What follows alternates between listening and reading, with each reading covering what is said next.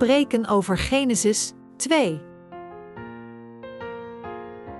De zondeval van de mens en de perfecte zaligmaking van God. Paul C.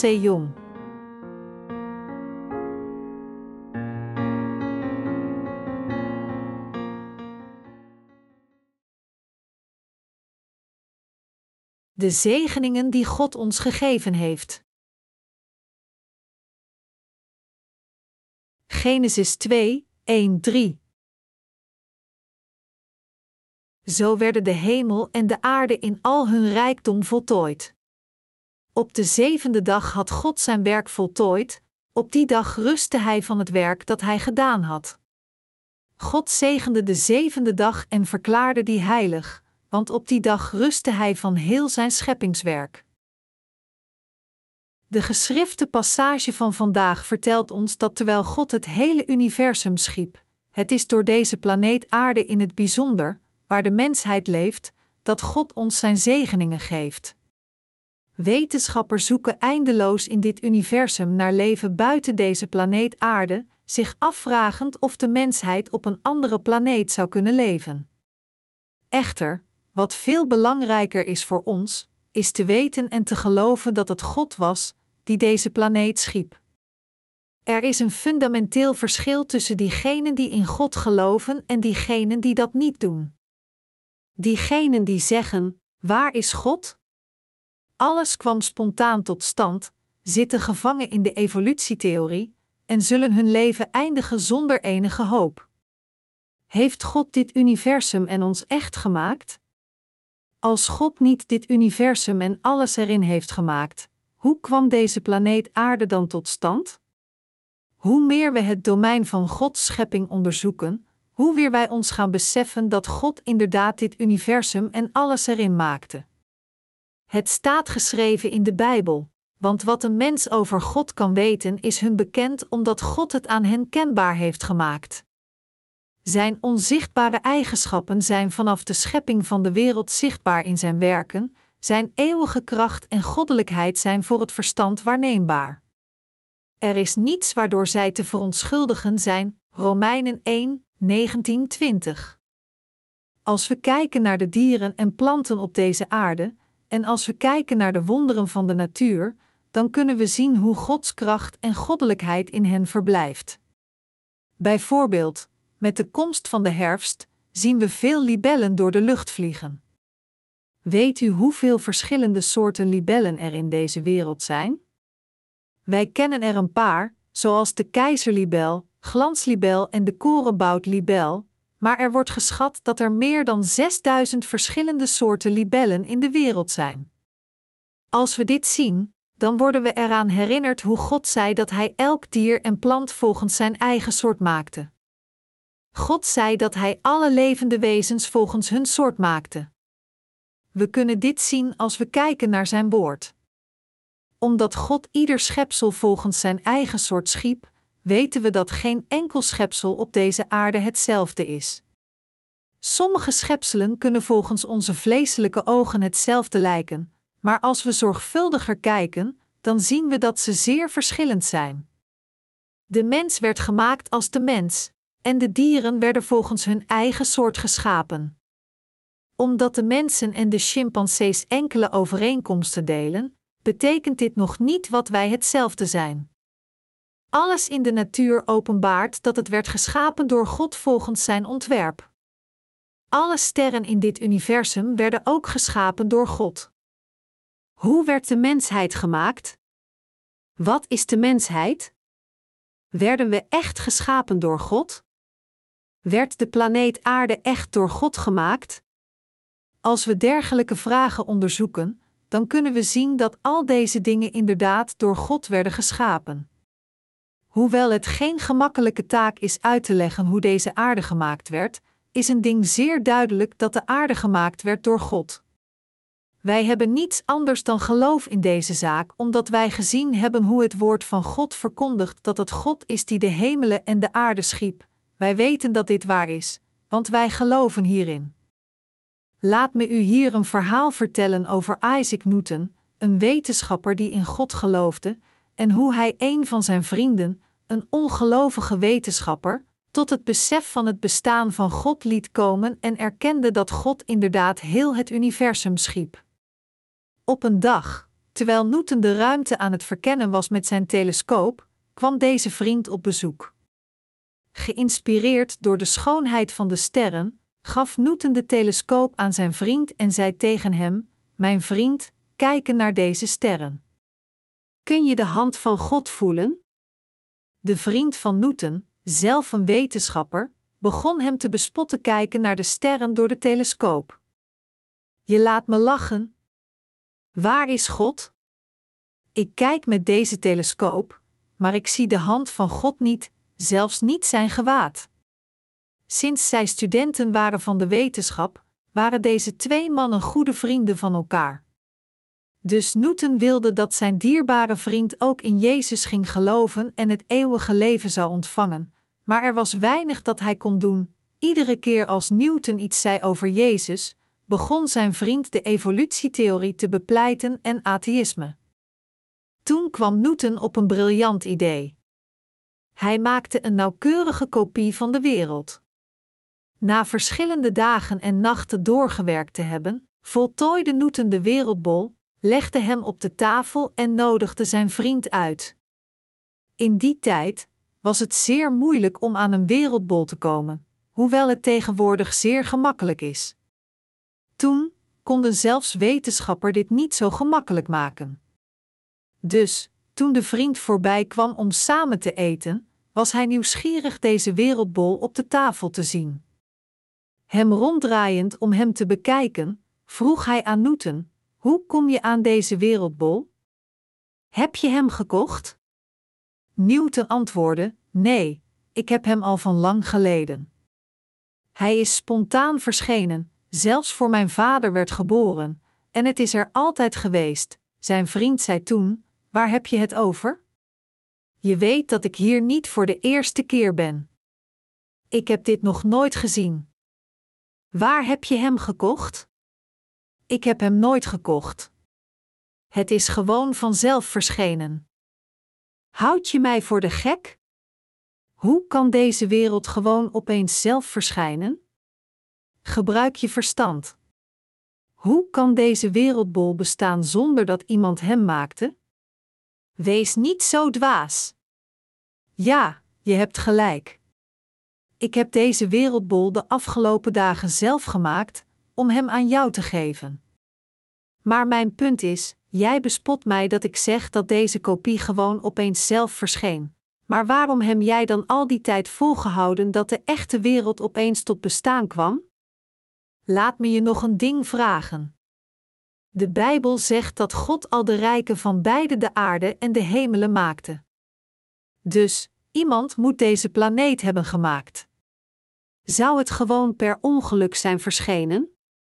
Nee, als God niet deze planeet aarde schiep, hoe kan het dan bestaan? Nou, ik veronderstel dat het niet zou bestaan als het niet gemaakt was. Kun je nu geloven dat God deze planeet schiep? Toen de vriend van Newton nadacht over deze vraag, dacht hij: deze kopie bestaat omdat er iemand was die hem maakte. En dus hoe kan deze planeet bestaan zonder zijn maker? Newton zei tegen zijn vriend: Geloof je nu dat er een God is? God maakte deze planeet en het universum, maar jij wilt dit niet geloven? Ja, ik denk dat ik het kan.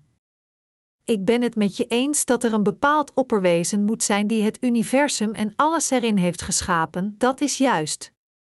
God schiep deze planeet Aarde, dit universum. En Hij maakte ook jou. Vogels en dieren, God schiep alles. Geloof je dat nu? Ja, ik geloof nu. Newton opende de Bijbel en las een passage voor aan zijn vriend. Elk huis heeft zijn bouwer, maar God is de bouwer van alles. Hebreeën 3, 4. De vriend van Newton kwam tot het besef dat God bestond. Ik weet niet zeker of dit verhaal waar is of fabeltje. Maar ik heb het hier geïntroduceerd omdat ik denk dat het diegenen die niet geloven in Gods bestaan er voordeel van zullen hebben, weigeren te geloven in het woord van waarheid dat God de hemelen en de aarde schiep. Wat voor een soort schepsel is de mens? Wat voor een soort schepsel is de mens? Hoewel we allemaal menselijke wezens zijn, zijn wij onwetend over welk soort van schepsel de mens is. Door het woord van God moeten we als eerste beseffen wie wij echt zijn. Hoe is de mensheid? We moeten niet kijken naar iemands verschijning en lichaam, maar we moeten kijken naar datgene wat in hem zit. Hier is een glas met water. Dus, dit glas met water is een glas met water. Als in dit glas limonade zat, dan zou het een glas met limonade zijn, en als er melk in zat, dan zou het een glas melk zijn.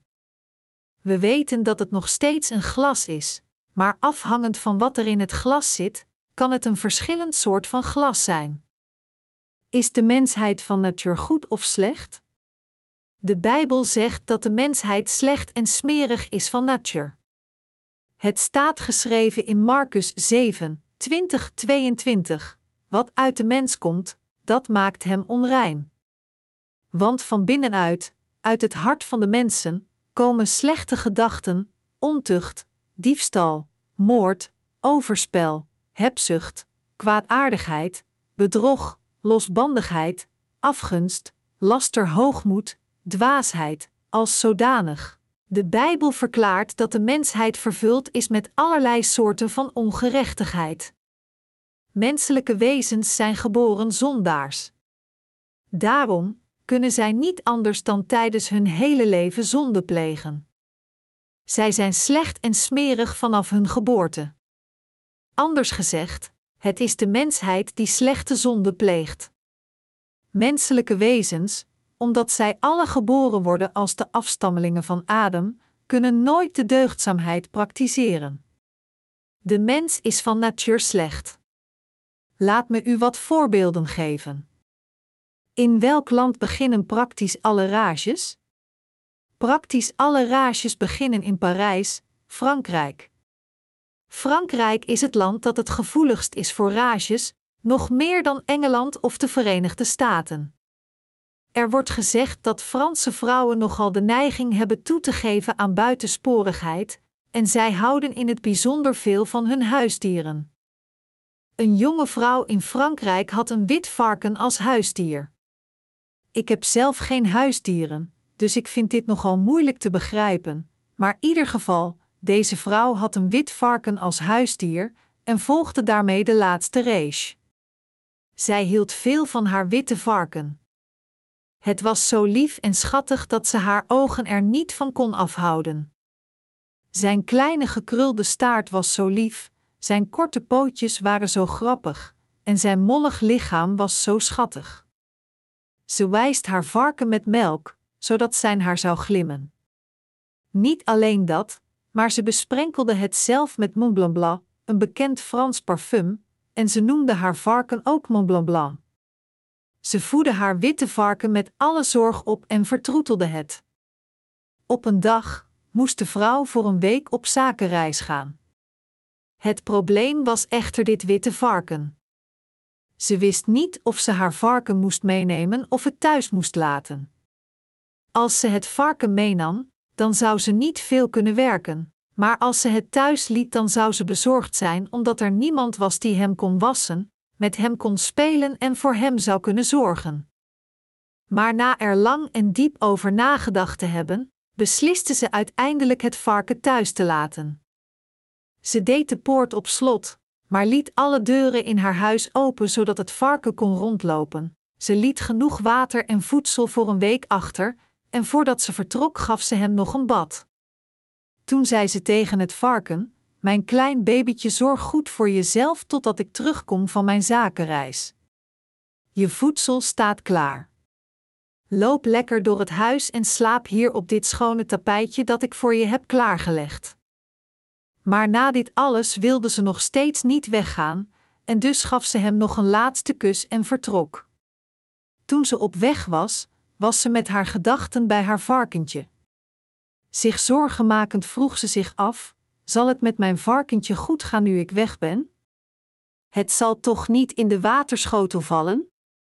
Toen ze uiteindelijk klaar was met haar zaken, keerde ze de volgende week terug naar huis. Zo gauw ze de poort opende, riep ze naar haar varken Montblanc, maar er kwam geen antwoord. Ze keek overal in het huis, in de slaapkamer, in de woonkamer en in de keuken, maar haar Montblanc was nergens te vinden. Maar toen ze bezorgd was en dacht dat iemand haar varken had gestolen, hoorde ze iets knoren. Dus volgde ze het geluid en het geluid werd steeds luider, en toen ze Montblanc riep, hoorde ze nog meer geknor. Waar denkt u dat dit varken was? Montblanc zat tussen het afval bij een afvalkanaal in de hoek van de tuin. Hij had de afgelopen week zoveel afval gegeten dat zijn buik dik was geworden. Daar liggend in het afval met zijn vier voeten uitstekend, was hij blij dat de eigenaar zijn naam riep en hij antwoordde haar geknor. De vrouw zei: Kom nu meteen hier, Blanc Blanc. Maar het varken bewoog niet. Mont Blanc Blanc verroerde zich zelfs niet en keek met een gezicht alsof hij zei: Maar mevrouw, ik vind het leuk waar ik ben. De vrouw had Mont Blanc Blanc nog nooit zo blij gezien. Het was de eerste keer dat de vrouw zo een tevreden uitdrukking zag bij Mont Blanc Blanc, maar dit was alleen als hij tussen het afval lag. Dit verontrustte haar zeer. Ze zei tegen het varken: Mont Blanc Blanc, je hoeft daar niet te slapen en dat voedsel te eten. Je moet het brood eten en de melk drinken die ik je geef, speel in het schone water waarmee ik je was, en slaap in het schone bed waar ik je instop. Je moet daar niet liggen, kom hier. Maar in plaats van eruit te klimmen, staarde het witte varken naar de vrouw met een zeer gelukkig gezicht. Geen wonder dat de vrouw hier zo door verontrust was. De mens is zoals het varken in het bovenstaande verhaal. Van natuur wordt de mens geboren met allerlei smerige zonden zoals ontuchtigheid, moord, trots, overspeligheid, diefstal, dwaasheid, kwade gedachten enzovoort. Dit is waarom menselijke wezens niets anders kunnen dan zonde te plegen tijdens hun hele leven. Omdat menselijke wezens van natuur geboren worden met zonde in hun harten, Psalm 51, 5, kunnen zij het niet helpen dan slechtheid tijdens hun hele leven te praktiseren en in wanhoop te vervallen. Dit is de natuur van de mensheid. Zou een varken het verkiezen in een huis te leven? Vanaf de dag van zijn geboorte houdt het varken van natuur van afval en smerigheid. Het zal natuurlijk melk drinken, als dit aan hem gegeven wordt, maar waar het varken aangeboren van geniet is vuilnis. Dat is waarom we iemand bespotten zo smerig als een varken. Dit is de natuur van het varken. Net zo is het omdat menselijke wezens geboren worden met zonden dat zij slechtheid praktiseren. Dat is wat menselijke wezens zijn. Is de mens van natuur goed of slecht, gemeen of zachtaardig, schoon of smerig? De mensheid is smerig omdat er zonden in hun harten zitten. De mensheid is het smerigst van allemaal. Dat is waarom de Bijbel zegt: niets is zo onbetrouwbaar als het hart, onverbeterlijk is het, wie zal het kennen? Jeremia 17, 9. Als we naar iemand kijken, dan moeten we niet alleen kijken naar zijn uiterlijke verschijning en hem als schoon en deugdzaam beoordelen. De Bijbel openbaart dat de mensheid smerig en slecht is, omdat het de smerigheid ziet die in ieder menselijk wezen zit en al de vuile en slechte dingen die het bevat. Vanaf de geboorte wordt iedereen geboren met allerlei soorten van smerige en zondige verlangen in hun harten. Door de lange geschiedenis heeft de mensheid zichzelf schoner gemaakt dan hij is, want de mens kent zichzelf niet. De mens heeft zijn uiterlijke verschijning voor meer dan duizenden jaren verfraaid. Maar de mens is fundamenteel nog steeds slecht. Laat me hier een voorbeeld gebruiken om uit te leggen hoe het menselijke hart moorddadige verlangens heeft. Er was eens een opperhoofd in Afrika. Op een dag, terwijl ze aan het jagen waren, vond zijn zoon een klein luipaardwelpje en hij nam het mee terug naar het dorp. Het luipaardjong was zo lief dat het hele dorp ermee wegliep, en dus voedden de mensen het jong op en gaven het voedsel dat zij ook aten. Na een paar jaar groeide dit jong uit tot een volwassen luipaard. De mensen in het dorp begonnen bang te worden voor de luipaard. En zij eisten uiteindelijk van het opperhoofd dat hij of het zou doden of het zou wegjagen uit het dorp, omdat ze wisten dat het luipaard hen vroeger of later zou kwetsen. Zij wisten dat hij iedereen in het dorp kon vermoorden, van het opperhoofd zelf tot zijn zoon en alle mensen in het dorp, en dat is waarom zij wilden dat hij verdreven zou worden of gedood. Dus zei het opperhoofd tegen zijn zoon: De mensen in het dorp zijn bezorgd over het luipaard, en ik ben er zelf ook van overtuigd dat deze luipaard je vroeger of later zal kwetsen. We moeten hem wegjagen of doden. Hoe kunt u dat zeggen, vader? Ik heb deze luipaard al deze jaren opgevoed en hem voedsel gegeven, en daarom zal hij niemand kwetsen. Kijk dan, en de zoon legde zijn hand in de mond van de luipaard, maar het luipaard beet niet. Zelfs toen de zoon zijn hoofd in de bek van de luipaard legde, beet de luipaard hem niet. In plaats daarvan opende hij zijn mond en likte de zoon. Vader, zoals je zelf ziet, de luipaard is zo aan mij gewend en kent mij zo goed, dus hoe zou hij mij ooit kunnen kwetsen? Deze luipaard is anders dan andere luipaarden. Sinds het een welpje was, is het opgegroeid met mensen, en daarom is hij niet vals. Kijk hoe zachtaardig hij is, omdat de zoon van het opperhoofd zo heftig tegenstand bood, konden de mensen van het dorp de luipaard niet doden. Het opperhoofd zei tegen zijn zoon: Oké, laat me je een voorstel doen. Van nu af aan voed je hem geen vlees meer, maar je voedt hem alleen nog graan. Laten we proberen zijn aard zo gedwee mogelijk te maken, zoals een grazende koe dus, in overeenstemming met de dorpbewoners, werd de luipaard vanaf dat moment alle nog met graan gevoed. Als de zoon van het opperhoofd ging jagen, dan zat hij vaak op de rug van de luipaard. Op een dag, tijdens zo'n uitje met zijn vrienden, viel de zoon per ongeluk in een ravijn. Er was niet veel dat zijn vrienden konden doen, omdat zij niet zo gemakkelijk oplaag konden klimmen. En dus duurde het lang voordat zij een weg naar beneden hadden gevonden waar de verwonde zoon van het opperhoofd lag. Echter, toen de trouwe luipaard dit zag, sprong hij heel gemakkelijk naar de bodem van het ravijn. De luipaard was als eerste bij zijn gewonde en bloedige meester, en instinctief begon hij zijn lichaam te likken. Over het algemeen is het een uitdrukking van genegenheid als dieren met hun tong likken. Echter, toen de luipaard het bloed van zijn meester bleef likken, begonnen zijn ogen te veranderen. Met het veranderen van zijn vrede en bloeddorstige ogen, begon de luipaard te grommen.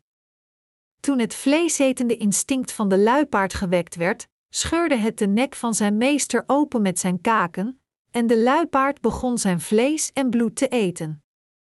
De vrienden van de zoon van het opperhoofd zagen dit alles gebeuren terwijl zij omlaag klommen in het ravijn. Toen de luipaard eenmaal bloed had geproefd, waren zij ogen niet meer zachtaardig. Dus de vrienden renden naar het dorp en vertelden het aan het opperhoofd, zeggend: De luipaard heeft zich tegen zijn meester gekeerd en vermoorde uw zoon. De mensen rondom hen zeiden: We hebben het je gezegd. Een luipaard is en blijft een luipaard. Het wordt niet mak omdat het gevoed wordt met graan. Waarom heb je niet naar ons geluisterd toen we je verteld hebben dat de luipaard een bloeddorstig, vleesetend dier van natuur is, en dat het vroeg of later naar dit instinct zal handelen? Het opperhoofd en de mensen in het dorp hadden alle spijt, maar het was te laat. Mensen geloven dat als zij hun kinderen correct onderwijzen, hen voorhouden dat zij in wezen goed zijn van aard, zij deugdzaam kunnen leven en dit is hoe zij hun kinderen onderwijzen. Ze zeggen ook dat iedereen onderwezen moet worden, daar een mens zonder onderwijs niets anders is dan een beest. Echter, onderwijs maakt iemand niet deugdzaam. Ongeacht hoe iemand alles leert over moraal en ethiek, en ondanks dat hij een goede opvoeding heeft genoten, maakt dit iemand niet deugdzaam. Omdat de mens van natuur slechtheid in zich herbergt, omdat zij alle fundamenteel met slechtheid worden geboren, en omdat zij alle slechte wezens zijn, kunnen zij het niet vermijden slechte daden in hun levens te doen. Dat is waarom de Bijbel zegt dat de mensheid het volk van zondaars is, Jesaja 1, 4. De mensheid is van natuur slecht. De Bijbel zegt dat de mens slecht, volkomen verdorven, overspelig en immoreel is. En het is de mens die diefstal en moorden plegen.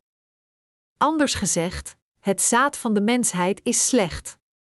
De mens is niet deugdzaam. Ze zijn allemaal slecht. Ieder menselijk wezen is zondig. Als de omstandigheden niet klaar zijn om zonde te plegen, dan doen de mensen alsof zij uitermate deugdzaam zijn. Maar als de omstandigheden klaar zijn, openbaren zij hun ware aard, net zoals de luipaard in ons verhaal opeens zijn instinctieve natuur openbaarde. Dat is waarom de Bijbel zegt dat alle menselijke wezens zondaars zijn. Door de overtreding van één mens is iedereen een zondaar geworden, Romeinen 5, 12, 15. Met andere woorden, het komt door Adam dat wij geboren worden als zondaars. Wij worden in principe geboren als zondige en slechte menselijke wezens. Dat is waarom de mensheid het volk van zondaars wordt genoemd. We moeten volledig begrijpen wie wij als menselijk wezen zijn. Ons bestaan is van dien aard dat we niet anders kunnen dan te zondigen. Menselijke wezens kunnen niet anders dan te zondigen tot hun dood. Daarom zijn zij allemaal wanhopig. In zijn proefschrift Beleidenis vergeleek Tolstoy het leven als vast te houden aan een tak boven een ravijn. Zoals verteld door Tolstoy, vindt een reiziger zichzelf in een droge put, proberend te ontsnappen aan een wild dier dat hem achtervolgt. Als hij omlaag klimt in de put, ziet hij een draak op de bodem van de put met zijn bek ver open, de dood symboliserend. Hij kan niet naar boven klimmen uit angst voor het beest, noch kan hij naar de bodem klimmen uit angst voor de draak, en daarom houdt hij zich vast aan een tak die uit de zijkant van de put groeit. Dan ziet hij twee muizen, een witte en een zwarte dag en nacht symboliserend, die rond de tak lopen en eraan knagen. De reiziger weet dat de tak vroeg of laat zal breken en dat hij onvermijdbaar zal vergaan, maar hij ziet enkele druppels honing op de bladeren van de tak, en zelfs onder deze wanhopige omstandigheden is hij blij hen met zijn tong te bereiken en hen op te likken. Dit, beschreven door Tolstoy, is wat de mens is. De mens zit gevangen in een dergelijke hopeloze situatie, waar de dood onvermijdelijk is en de ontsnapping eraan onvermijdelijk is. Maar ondanks dit kan de mens zich deze wanhopige situatie niet realiseren. Sommige mensen beweren vol vertrouwen dat zij leven zonder een enkele zonde te plegen, als de omstandigheden ideaal zouden zijn. Ze zeggen: de enige reden waarom ik zondig is door de slechte omstandigheden. Maar kan een menselijk wezen echt geen zonde plegen? Nee, het is onmogelijk geen zonden te plegen. Sinds alle menselijke wezens met een zondig hart van natuur worden geboren, is het onmogelijk niet te zondigen. Dat is waarom niemand kan het vermijden te sterven en te worden veroordeeld. Dat is de natuur van de mensheid. De mens zelf zal zeker veroordeeld worden en is volledig hopeloos. Als we doorgaan met onze levens, kunnen we dan echt geen zonde plegen? Nee, natuurlijk niet. Geen enkel menselijk wezens is in staat zich te onthouden van zonden. Sinds iedereen geboren wordt met zonden, is iedereen een zondaar. En de dood en de hel zijn onvermijdelijk voor de mens. Dat is waarom God tegen de mensheid zegt, die alle dergelijke zondaars zijn: Het loon van de zonde is de dood. Kunt u dit nu begrijpen? Dus gezien deze hopeloze situatie, moet iemand ons helpen. Niemand kan naar de kust zwemmen vanuit het midden van de grote oceaan. Net zo zijn wij mensen onvermijdelijk aan het verdrinken in een oceaan van zonden, en daarom kunnen we alleen overleven als iemand ons redt. En dat is waarom wij een verlosser nodig hebben. Aan dergelijke mensen zoals ons, wie is dan de verlosser? Het is Jezus Christus. Wij zijn allemaal gewoon mensen, niet in staat te vermijden te zondigen en voorbestemd voor de hel. Volgens Gods wet kunnen we het niet vermijden dan in de hel te worden gegooid, maar onze Heer kwam om ons te redden. Onze Heer kwam om dergelijke slechte menselijke wezens te redden die alleen zeker naar de hel zouden gaan. Onze Verlosser is Jezus Christus. De naam Jezus betekent de Verlosser, en de naam Christus betekent de gezalfde koning, Matthäus 1 uur 21, Daniel 9 uur 25. God de Schepper, zelf, de Heer die ons maakte, kwam om ons te redden toen wij in wanhoop vervielen. Dus God is onze Verlosser. Alleen Hij kan ons redden. Zoals Genesis 1, 1 verklaart, in het begin schiep God de hemelen en de aarde, zo is Jezus Christus, ook de Schepper God die het hele universum en alles erin maakte. Toen God zei: Laat er licht zijn, ging het licht bestaan. Deze God die beval later licht zijn, is niemand anders dan onze Verlosser, Jezus die kwam om ons te redden. Hij, die onze Verlosser is geworden, onze God en onze Heer, is Jezus Christus. Het is Jezus die kwam om ons te redden van onze zonden. En, toen Hij kwam om ons te redden, wiste Hij al onze zonden uit. Als er hier in de hoofdpassage van vandaag wordt gezegd dat God de zevende dag zegende, dan betekent dit dat God ons van onze zonden heeft gered en ons het eeuwige leven heeft gegeven. De Bijbel zegt: eens moeten mensen sterven en daarna volgt het oordeel, Hebreeën 9 uur 27. Iedereen moet ooit eens sterven. Na de dood, waar gaat men naartoe als men zonden heeft? Men gaat naar de hel. Maar als men sterft na de ontvangst van de vergeving van zonden, waar gaat men dan naartoe? Dan zal men naar de hemel gaan. Iedereen komt de dood op zijn minst een keer tegen. Dus omdat iedereen een keer sterft, zingen we tijdens de begrafenis, in het zoete hiernamaals, zullen we elkaar ontmoeten aan de mooie waterkant. Als we eenmaal de geestelijke Jordaanse rivier oversteken, dan zullen we de mooie kust van het geestelijke land Canaan bereiken, het koninkrijk van de hemel. Wat onze Heer aan de rivier de Jordaan deed, bij de rivier van de dood, is dit: Hij onderging onze dood en droeg onze vloeken in onze plaats. Is Jezus echt de verlosser van de mensheid? Laat ons nog een keer onze zaligmaking met het evangelie van het water en de geest onderzoeken. En laat ons onderzoeken of deze Jezus, waar wij alle in geloven, inderdaad als de Verlosser is gekomen die ons van de zonde van de wereld heeft gered. Als we kijken naar Matthäus 3, 13, 15, dan staat er geschreven: Toen kwam Jezus vanuit Galilea naar de Jordaan om door Johannes gedoopt te worden. Maar Johannes probeerde hem tegen te houden met de woorden: Ik zou door u gedoopt moeten worden, en dan komt u naar mij?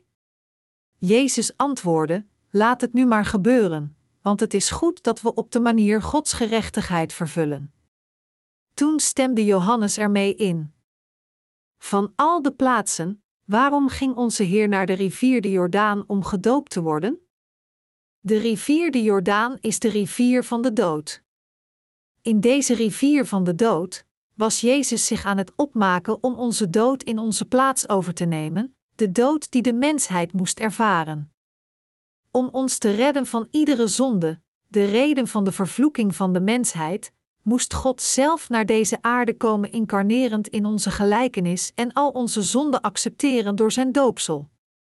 Alleen als Jezus onze zonden zou accepteren door te worden gedoopt en in onze plaats zou sterven, konden wij de vergeving van onze zonden ontvangen. Waarom? Omdat God ons niet zomaar zondeloos kan beschouwen als wij nog steeds zonde hebben, want Hij is rechtvaardig. Door feitelijk onze zonde uit te wissen, in onze plaats te sterven, ons het leven te geven met de prijs van zijn eigen dood, en ons daarmee bevrijdend van onze zonden. Dit is de rechtvaardige liefde van God. Laat ons hier onderzoeken waarom Jezus gedoopt moest worden door Johannes de Doper om ons van onze zonden te redden. Om zijn zaligmaking te vervullen, ontwierp God een plan. Zijn plan was zo perfect dat het werd vervuld in Christus volgens zijn beschikking als de tijd rijp was. Efeziërs 1, 19. Omdat God heel zijn wil had volbracht volgens zijn plan, kon hij rusten op de zevende dag, deze heilig verklaren en de dag zegenen. Om de mensheid volgens zijn plan te redden, stuurde God als eerste een man als zijn vertegenwoordiger. Wie was deze man? Het was Johannes de Doper. Waarom moest God een vertegenwoordiger van de mensheid laten opstaan? Omdat door deze vertegenwoordiger van de mensheid God al de zonden van de mensheid moest doorgeven aan hem door de methode van het doopsel, want Gods wijsheid is anders dan de onze. Dus alleen als God in onze plaats stierf, konden onze zonden worden uitgewist, en alleen dan kunnen we de dood vermijden en voor eeuwig leven. Dat is waarom God een man stuurde, Johannes de Doper, als de vertegenwoordiger van de mensheid. En de Heer, zelf, kwam als de Verlosser geïncarneerd in het vlees van de mens. Al de zonden van de mensheid konden alleen worden uitgewist als de Verlosser Jezus hen door de vertegenwoordiger van de mensheid zou accepteren door het doopsel in de vorm van het opleggen van handen. We kunnen voor de aanwezigheid van God komen en de dood vermijden alleen als we zondeloos zijn, en dat is waarom God Johannes de Doper in de rivier de Jordaan plaatste. Dit is de wijsheid van God. De wijsheid van God is veel wijzer dan de wijsheid van de mens. De Bijbel zegt dat zelfs de dwaasheid van God wijzer is dan de wijsheid van de mens. Johannes de Doper is de vertegenwoordiger van heel de mensheid.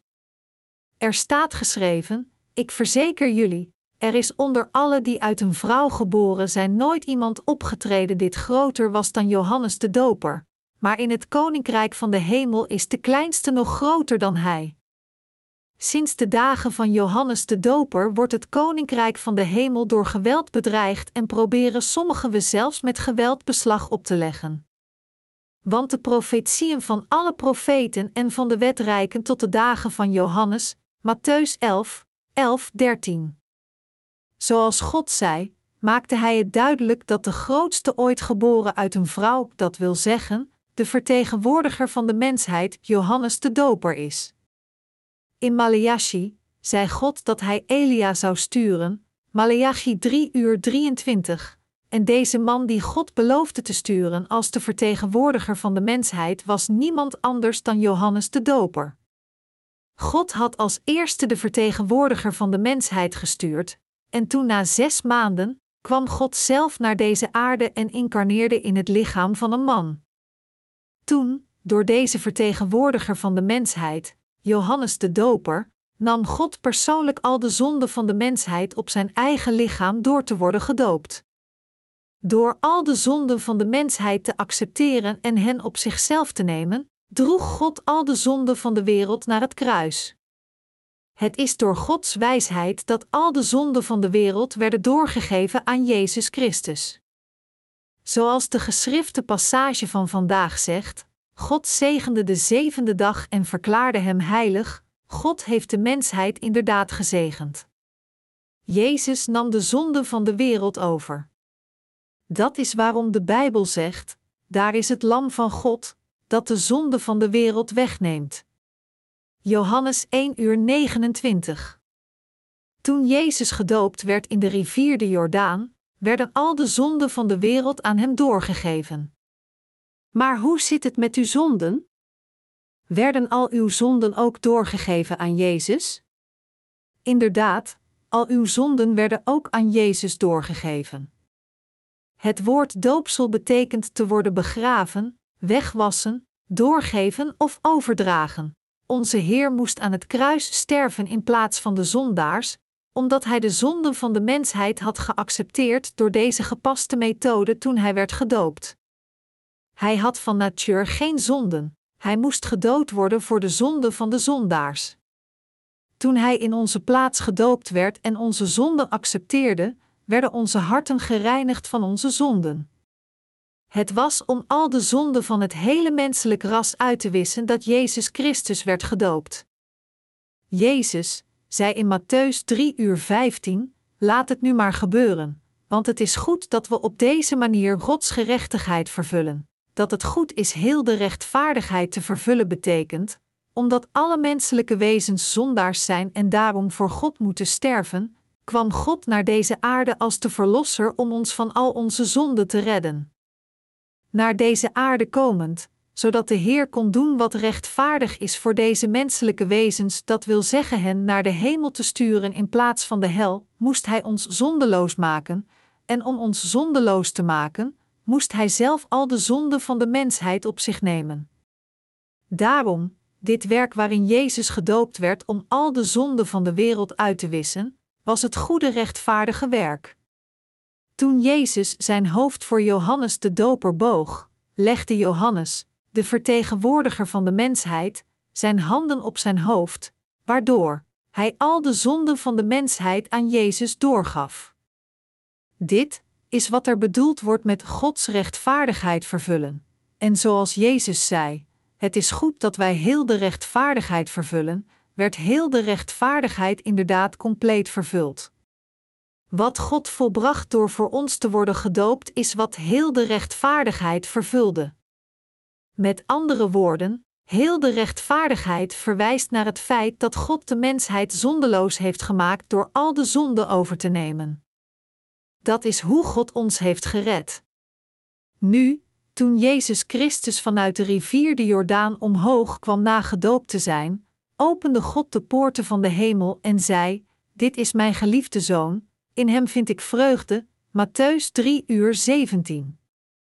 Toen de mensheid geschapen door God aan de verleiding van Satan verviel en zondigde, om deze zonde uit te wissen, kwam de Zoon van God, die God zelf is, de schepper van de hemelen en de aarde, naar deze aarde en incarneerde in het vlees van de mens. En om ons mensen te zegenen door zijn eigen volk te worden, heeft God ons gered door het evangelie van het water en de geest. Als we gewoon schepselen waren gebleven, dan zouden we niets zijn, maar God vernieuwde ons en zegende ons, zodat wij niet gewoon maar schepselen zouden zijn, maar het eeuwige leven zouden ontvangen als God eigen kinderen, heersend over heel zijn schepping en van het eeuwige leven genieten. Onze Heer nam al onze zonden over. Hij droeg al de zonden van de wereld weg.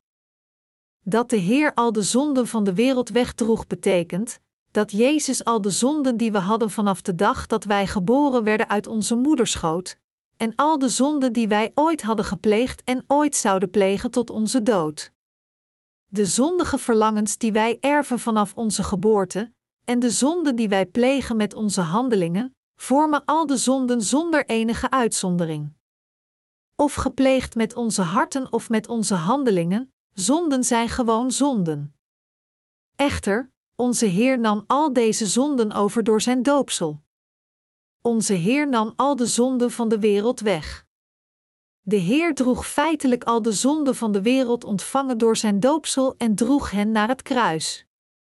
Van de zonden waarmee we geboren worden uit de moederschoot tot de zonden die we plegen tot de leeftijd van tien jaar, werden alle doorgegeven aan Jezus. Jezus droeg al de zonden van de wereld weg. De zonden die we hierna plegen, vanaf de leeftijd van 11 tot 25, werden ook alle doorgegeven aan Jezus. Als we zonden leven totdat we 100 jaar zijn, al de zonden gepleegd van de leeftijd van 26 tot 100 werden ook aan Jezus doorgegeven. Gelooft u hierin, mijn medegelovigen? Al de zonden van de wereld werden inderdaad doorgegeven aan het lichaam van Jezus. Hoe? Omdat God voor eeuwig leeft, was Hij in staat al de zonden van iedereen in deze wereld weg te nemen, vanaf het begin tot het eind.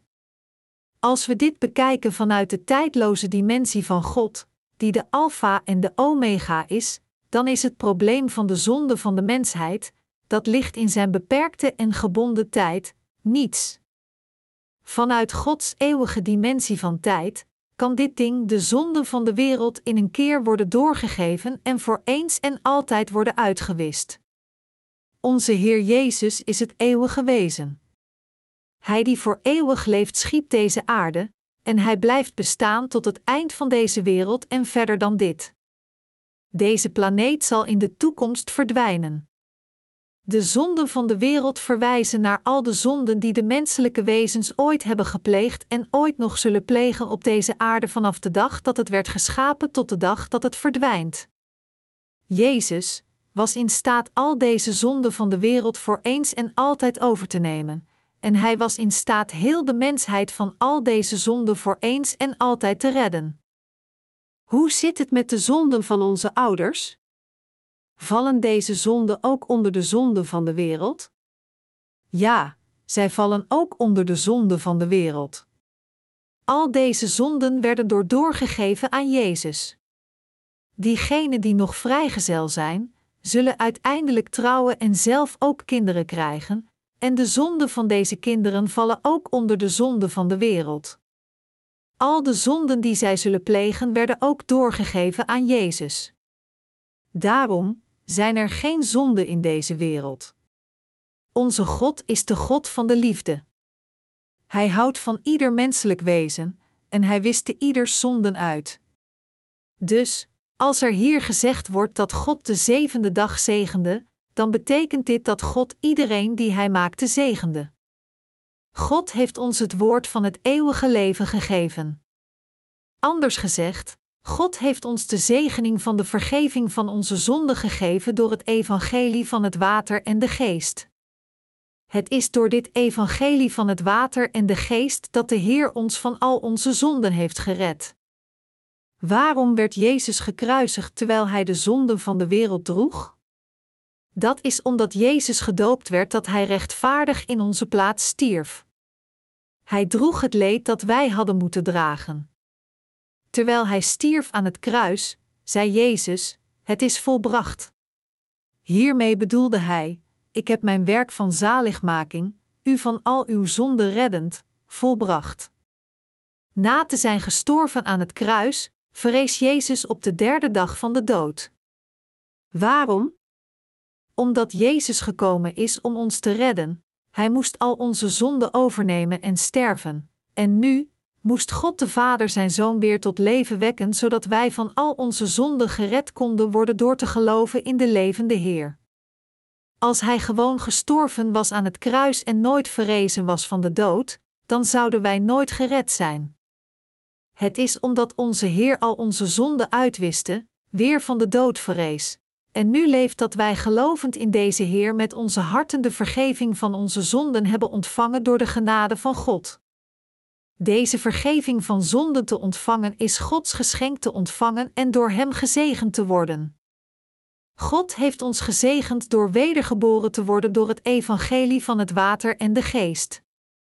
Er staat geschreven: God zegende de wevende dag en verklaarde die heilig. Genesis 2, 3. Sinds God zelf al de zonde van deze wereld uitwiste, werd iedereen heilig. Hoewel iedereen nog steeds van de buitenkant onvolmaakt lijkt, heeft God iedereen gezegend om geheiligd en perfect te worden door geloof. Dat is waarom onze Heer in Hebreeën 10 uur 18 zei: Waar dat alles vergeven is, daar is geen offer voor de zonde meer nodig. Onze God is de ware verlosser voor ons mensen geworden. Hij heeft ons enorme zegeningen gegeven. Nu, hoewel alle menselijke wezens onveranderlijk slecht en zondig zijn, kunnen zij nog steeds de vergeving van hun zonde ontvangen als zij geloven in Gods bestaan en in datgene wat Hij voor onze zaligmaking heeft gedaan. We realiseren ons dat het was om ons tot Gods eigen kinderen te maken volgens zijn plan dat God ons als eerste beperkte door de zonde en ons ook vele zwakheden toestond. Van natuur zijn wij allemaal fragiele schepsels, maar om ons zijn kinderen volgens zijn plan te maken, staat God ons toe te geloven in het evangelie van het water en de geest om wedergeboren te worden. Vanaf het allereerste begin wilde God ons zegenen door zijn eigen kinderen te worden. Dat is waarom God de zevende dag zegende na alles van de eerste tot de zesde dag gemaakt te hebben. God heeft ons mensen gezegend. Hij heeft het hele universum en alle dingen erin gezegend. Onze God heeft ons van al onze gered. Als we eenmaal bevrijd zijn van onze zonden en rechtvaardig zijn gemaakt, zondigen we dan meer of minder? Sommige mensen denken: als ik eenmaal de vergeving van mijn zonden heb ontvangen, kan ik zoveel zonde plegen als ik wil, sinds ik verondersteld word zondeloos te zijn, niet waar? Dit is niet het geval. Integendeel, als iemand zondeloos is, dan blijft hij nog meer van de zonde vandaan. Voorheen pleegden we zonde verslaafd aan en erdoor voortgesleept, maar nu, omdat we gered zijn geworden door het evangelie van het water en de geest, zijn wij niet langer slaven van de zonden. En diegenen die de zegening van de vergeving van hun zonden hebben ontvangen, dat wil zeggen, diegenen die geloven dat de Heer naar deze aarde kwam en hen gered heeft, leven hun levens de rechtvaardigheid van God praktiserend. De rechtvaardige kan zichzelf negeren en de wil van de Heer volgen door de hulp en de leiding van de Heilige Geest die in hen woont. Ongeacht hoe slecht deze wereld ook is, zij negeren zichzelf en praktiseren de rechtvaardigheid van God in hun levens volgens de wil van de Heer. Zij leven verenigd met de kerk en prediken het evangelie. En zij bidden naar God en worden door Hem in alle dingen geholpen want zij hebben het recht ontvangen Gods eigen kinderen te worden. Net zoals de Bijbel zegt: de rechtvaardige zal leven door geloof, Romeinen 1 uur 17, de rechtvaardige zal inderdaad door geloof leven.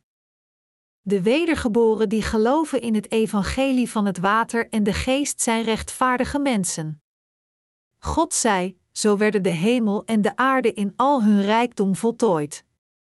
Op de zevende dag had God zijn werk voltooid, op die dag rustte hij van het werk dat hij gedaan had.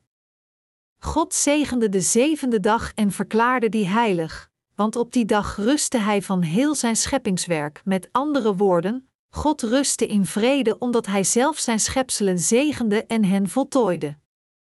De Heer is onze Verlosser. Het is de Heer die ons gered heeft door het evangelie van het water en de geest. Ieder van ons moet leven door dit geloof. Maar talloze mensen hebben nog steeds niet dit geloof en leven hun levens van geloof zonder dit. Bijvoorbeeld, de aanhangers van de zevende dag Adventistenkerk werken niet op zaterdag.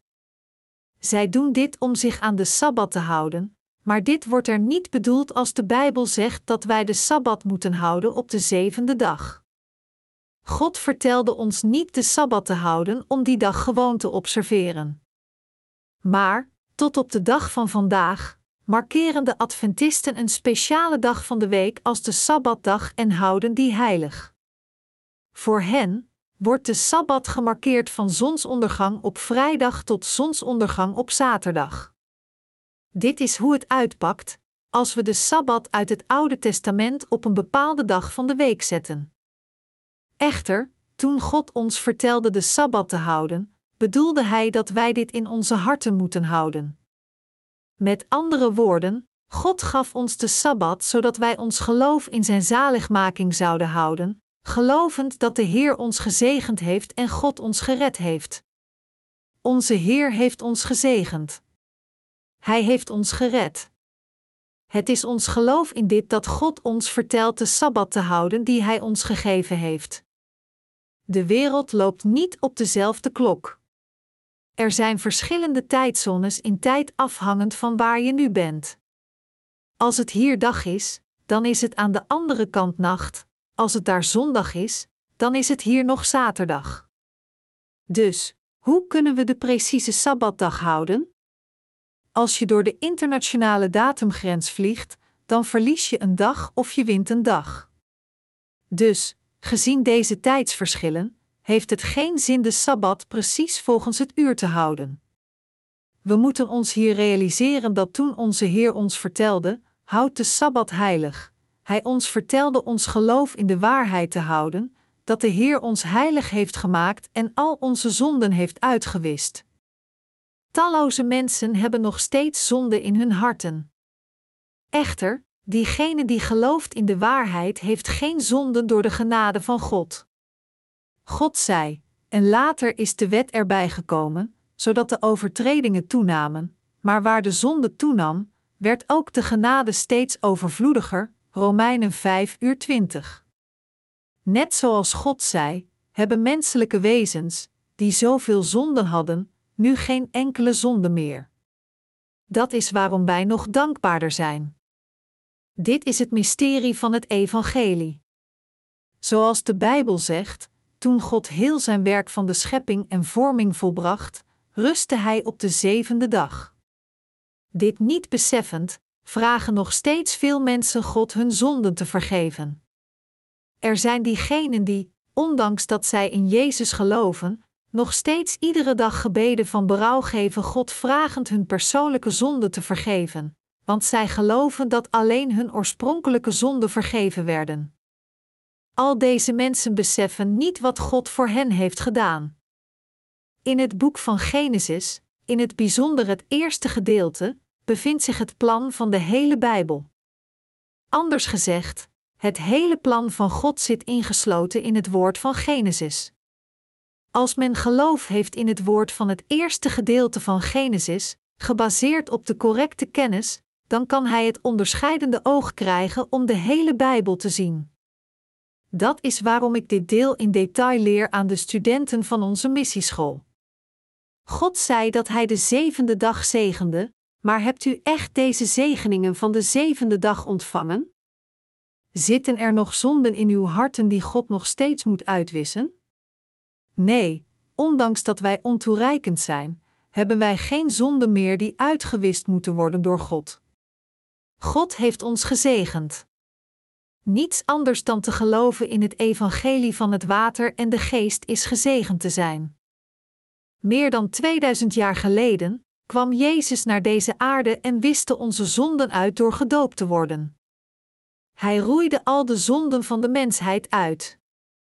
Hij schrapte al de zonden van de wereld. Het is omdat onze Heer al onze zonden in die tijd uitwiste dat Hij nu in vrede rust. Dat is waarom Hij zei: God zegende de zevende dag, omdat Hij op deze dag rustte. De sabbat is een dag van rust. God rustte in vrede omdat er niets meer te doen was.